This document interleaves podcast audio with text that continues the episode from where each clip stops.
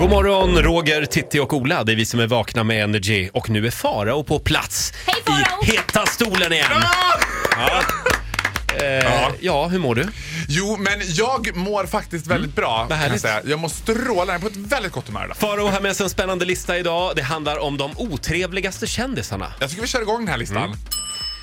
Här hänger vi ut kändis nummer ett. Nu rör vi oss i världssammanhang kan jag säga. Mm. Det här kan vara det värsta ni har utsatt mig för under de här två och ett halvt åren tillsammans. Det var ju nämligen så att jag fick ju chansen att få träffa no less than One Direction. Ja, Just just, det. Fem brittiska dvärgar med trätänder. Och det var ju det värsta jag varit med om i hela mitt liv. Nej. För nu är det så här, man står uppradad där och ska in. En, in, ut, en, ut. Du vet. Man får fem minuter med One Direction. Max. Max, du vet. Och då tänker man sig att de skulle vara schyssta. Du vet, jag har ju också gått in i ett totalt Céline Dion-träsk. Så nu tittar jag på eh, do- Youtube-dokumentärer om Céline Dions fans. Och du vet, Céline Dion tar sig tid med sina fans. Det gör inte One Direction. Fruktansvärt Var otrevliga inte var de de. lite Men- packade under den här intervjun också? Nej, jag tror inte att de var packade. Däremot tror jag att de var fruktansvärt höga. Ja, påtända. Nej. Grabbigt otrevliga. Ja.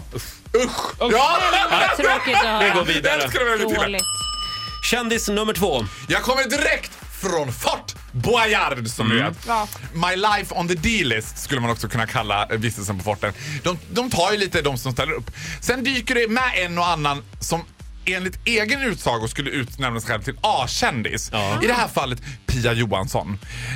Dramaten skådespelerska. Komikern. och Stadsteat- Hon är ju jätte- det verkar ju helt- Stadsteatern skådespelerskan. Hon verkar ju eh, trevlig som helst.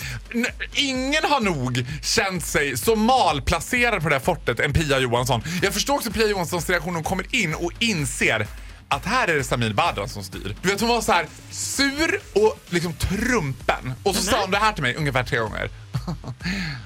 "Äh, Jobbar du i produktionen eller är du... Jag bara, nej jag är med som... Ja, du är du bara här liksom och ska äta andras äpplen? Sa hon betyder det? Är du bara här och ska äta andras äpplen? Jag förstod inte riktigt Nej, Pia Johansson, vad vill du ha Nej, sagt? men nu tror jag hon får fälla ut pungen och landa. Skräcken är när Pia Johansson, när vi åker ut till flygplatsen och flygplatsen i La Rochelle den är alltså lika stor som en knappnål ungefär. Det Mm. är en parkering som de har byggt om till flygplats.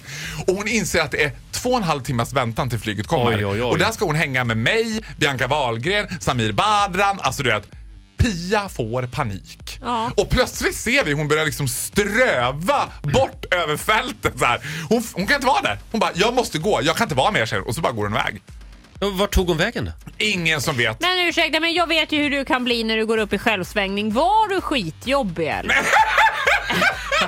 Eftersom hon gick. Åh, det är så härligt att veta att här inne finns det bara kärlek.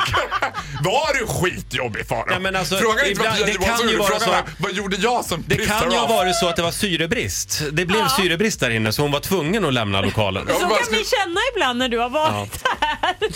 Men hon gick iväg. Om någon har sett Pia Johansson, hör av er. Mm. Ryktet säger att hon lever på en vingård i Bordeaux någonstans just nu. Vi Ja, åker och ja. hälsar på Men Pia på hon är, ju, vingården. hon är ju troende katolik, så hon har Gud med sig i alla fall. Ja, men det var är tur. bra. Mm. Ja, oh ja. Det var oh ja. tur ja. Eh, kändis nummer tre. Ja, vi går vidare in i grabbträsket igen. Nu pratar jag om liksom alfahanen nummer ett, men som också döljer in något sånt här skämtsam göteborgsle. Jag är bara en god kille, men jag är så jävla jobbig egentligen.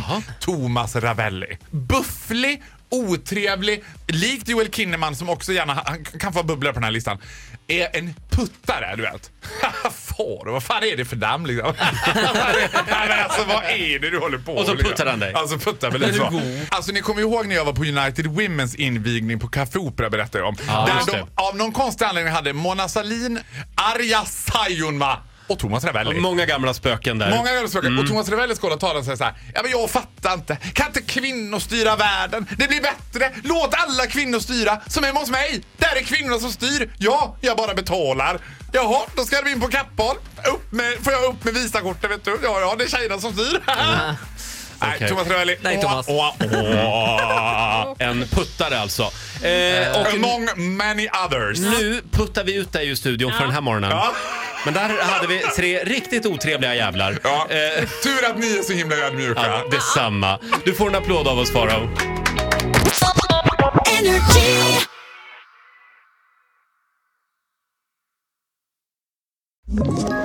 Ett poddtips från Podplay. I fallen jag aldrig glömmer djupdyker Hasse Aro i arbetet bakom några av Sveriges mest uppseendeväckande brottsutredningar. Går vi in med hemlig telefonavlyssning och, och då upplever vi att vi får en total förändring av hans beteende. Vad är det som händer nu? Vem är det som läcker? Och så säger han att jag är kriminell, jag har varit kriminell i hela mitt liv men att mörda ett barn, där går min gräns. Nya säsongen av Fallen jag aldrig glömmer på Podplay.